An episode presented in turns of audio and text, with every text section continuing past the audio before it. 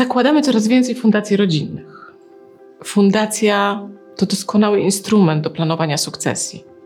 Oczywiście pod warunkiem, że sam proces sukcesji nie ogranicza się do postawienia fundacji, ale że od wielu lat mocno pracujecie w rodzinnym gronie nad wspólnymi wartościami, zasadami zarządzania majątkiem oraz nad wspólną odpowiedzialnością za rodzinę. Dziś powiem Wam, jak w tym procesie może pomóc audyt Fundacji Rodzinnej. I zastanowimy się również, jak znaleźć dobrego audytora. Cześć. Jeśli zastanawiasz się, jak bezpiecznie przeprowadzić sukcesję, albo inaczej, czy warto założyć fundację rodzinną i z czym to się wiąże, to jesteś we właściwym miejscu. Zakładam fundacje rodzinne w Europie od ponad 10 lat. Aktywnie towarzyszę w procesach sukcesji majątku rodzinnego. Na moim kanale Wealth Advisor Anna Maria Panasiuk dowiesz się, jak przygotować się do takiego procesu, na co uważać, jak uniknąć niepotrzebnych kroków, które nie tylko nie realizują założonych przez Ciebie celów, ale mogą również narazić Ciebie, Twoją rodzinę czy Twój majątek na ryzyko. Co to jest zatem audyt w fundacji rodzinnej? O tym się jeszcze nie pisze, nie mówi. Audyt fundacji rodzinnej polega na badaniu prawidłowości zarządzania aktywami fundacji rodzinnej, na badaniu poprawności zaciągania czy spełniania zobowiązań, również tych publiczno-prawnych, czyli płatności podatków. Audyt bada również zgodność zarządzania majątkiem fundacji z prawem, celami fundacji czy statutem tej fundacji. Już na pierwszy rzut oka można zauważyć, że audyt fundacji rodzinnej obejmuje szerszy zakres niż dobrze znane nam, przedsiębiorcom, badanie sprawozdania finansowego spółek, bo to dla spółek skupia się jedynie na kwestiach rachunkowych. Celem audytu fundacji rodzinnej jest także weryfikacja, czy fundacja jest zarządzana zgodnie z jej celem, którym jest, przypomnijmy, gromadzenie mienia i zarządzanie nim w interesie wszystkich beneficjentów. Kto przeprowadza audyt Fundacji Rodzinnej. Wyboru eksperta dokonującego audytu y, fundacji dokonuje zgromadzenie beneficjentów. No bo to w ich interesie taki audytor ma działać. Jak takiego eksperta wybrać? Nikt jeszcze o tym nie mówi, a przecież pierwsze audyty powinny zostać uruchomione jeszcze w tym roku. Dokładne terminy sporządzania audytów y, podamy w publikacji na naszym blogu. Link do tej publikacji znajdziesz poniżej. A my wróćmy do pytania, kto może być audytorem? Zgromadzenie beneficjentów może oczywiście wybrać usługi firm audytorskich. I tutaj jest pytanie, co tak naprawdę ma wnieść doświadczenie audytorów czy firmy audytorskiej do zarządzania rodzinnymi aktywami płynnymi. Ale o tym za chwilę. Beneficjenci mogą również samodzielnie wybrać zespół ekspertów spośród różnych zawodów. Może to być na przykład biegły rewident, może to też być doradca podatkowy, czy adwokat, albo radca prawny. Takie rozwiązanie wyboru różnych osób o różnych kompetencjach jest zdecydowanie rekomendowane, bo tylko w ten sposób można zbudować zespół o tych kompetencjach, jakie dla takiego audytu są niezbędne. Przy wyborze ważne jest również, że by specjalista dokonujący audytu był bezstronny. I co to oznacza? Musi to być osoba, która jest niezależna od fundacji rodzinnej, która nie bierze udziału w procesie podejmowania decyzji e, przez taką fundację rodzinną. Nie świadczy doradztwa, na przykład prawnego czy księgowego na rzecz fundacji rodzinnej, ani poszczególnych członków organów tej fundacji. I tutaj uwaga. To oznacza, że nie powinna to być kancelaria, która na stałe prowadzi obsługę prawną dla fundacji rodzinnej lub jej założycieli. Inaczej nie będzie bezstronna. Jakie dziedziny obejmuje audyt fundacji rodzinnej? Ustawodawca ograniczył się do rachunkowości fundacji rodzinnej, poprawności, terminowości uiszczania podatków oraz do ogólnego sformułowania prowadzenia działalności przez fundację rodzinną zgodnie z prawem.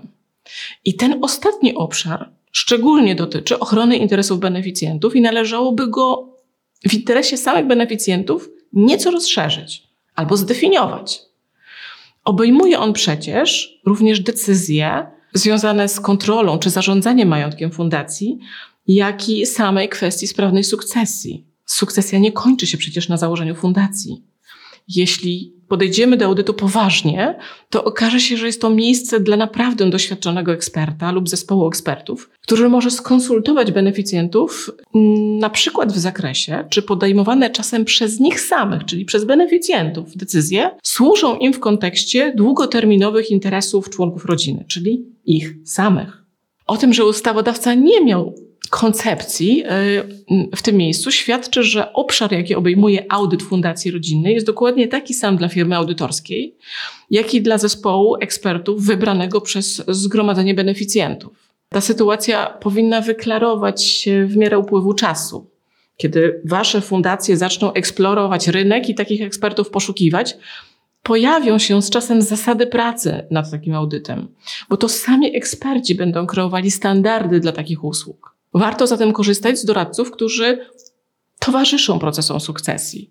Od jakiegoś czasu, mają doświadczenie wieloletnie, mogą wesprzeć y, swoim doświadczeniem Twoją fundację. Jeśli wybierzecie naprawdę doświadczonych specjalistów, będziecie mieli pewność, że otrzymacie analizę przygotowaną przez ekspertów w swoich dziedzinach, czyli biegły rewident dokona weryfikacji księgowości Fundacji Rodzinnej z perspektywy stricte prawidłowości finansowej, Doradca podatkowy sprawdzi, czy fundacja rodzinna prawidłowo reguluje zobowiązania podatkowe, a adwokat czy radca prawdy zbada, czy działalność fundacji rodzinnej jest zgodna z prawem, w tym również ze statutem czy celem założenia fundacji.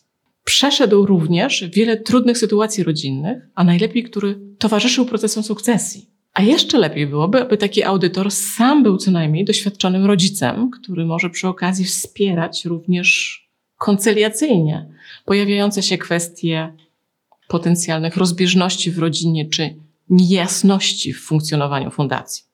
Wyobraźmy sobie, jak wygląda w praktyce doradztwo organom fundacji.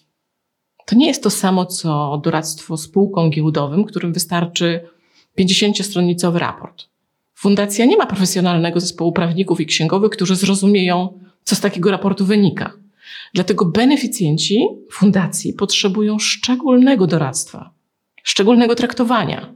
No i jeśli już macie wydać pieniądze na audyt, to niech to będzie kompleksowa weryfikacja funkcjonowania fundacji rodzinnej, która pozwoli sprawdzić, że wszystko w waszej fundacji dzieje się jak należy i że dzieje się to w interesie was, beneficjentów. Jak często przeprowadza się audyt fundacji rodzinnej? Audyt w każdej fundacji przeprowadza się co najmniej raz na cztery lata.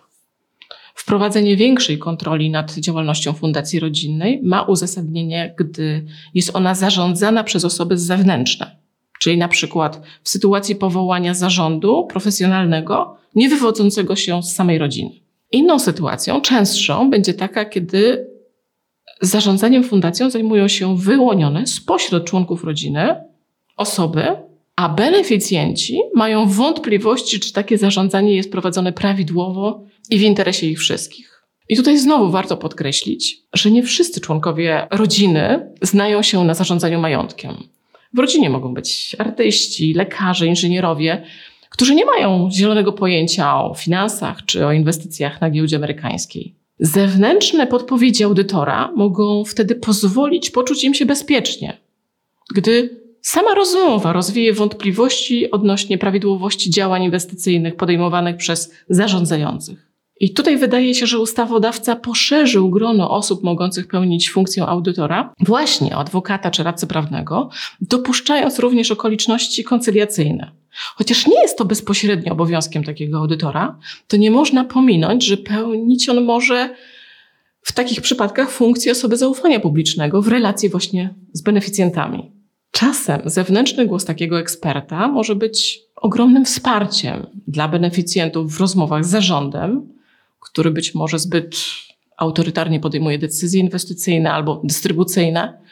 Może to być też głos rozsądku dla seniora fundatora, który nadal twardą ręką trzyma sprawę rodziny, a powinien może poszerzyć krąg osób, które mają coś do powiedzenia w kwestii zarządzania wspólnym majątkiem fundacji. Na koniec powiedzmy sobie, jak często przeprowadzać taki audyt. Ustawa mówi, że nie rzadziej niż raz na cztery lata. Na pewno częściej, jeśli majątek jest rozbudowany lub rozbudowane są grupy interesów fundacji. Sam ustawodawca zobowiązuje nas do corocznego przeprowadzenia audytu, jeśli fundacja posiada aktywa o wartości co najmniej 2,5 miliona euro, czyli 10 milionów złotych, i jej przychody z operacji finansowych na przykład stanowiły co najmniej 5 milionów euro, więc około 20 milionów złotych. To oznacza, że skoro na koniec roku mieliśmy założonych praktycznie 400, było 398 fundacji, to te z nich, które posiadały aktywa oraz przychody o takiej wartości, jeszcze w tym roku 24, czyli już teraz, powinny zacząć szukać audytora. A ten audytor powinien się zgodzić na podjęcie takiego badania i mieć odpowiednie kompetencje. Gdy już zabierzecie się za taki audyt, to pamiętajcie, że nie ma standardów na rynku w tym zakresie. Zatem jeśli uderzycie do standardowej firmy audytorskiej, to pojawi się istotne ryzyko, że dostaniecie raport finansowo-prawny, który co prawda wykona obowiązek ustawowy, wy wydacie pieniądze, ale będzie to dla was kompletnie nieużyteczne. Dlatego dobrze jest, aby beneficjenci sami przygotowali listę swoich pytań dla audytora. To może być dodatkowy papierek lakmusowy, czy audytor zna się na rzeczy i czy podejmie się takiego zadania. Oglądajcie mój kanał. Postaram się przygotować dla Was taką listę potencjalnych pytań, jakie Wy powinniście przedstawić swoim kandydatom na audytora. A tymczasem do zobaczenia w kolejnej audycji.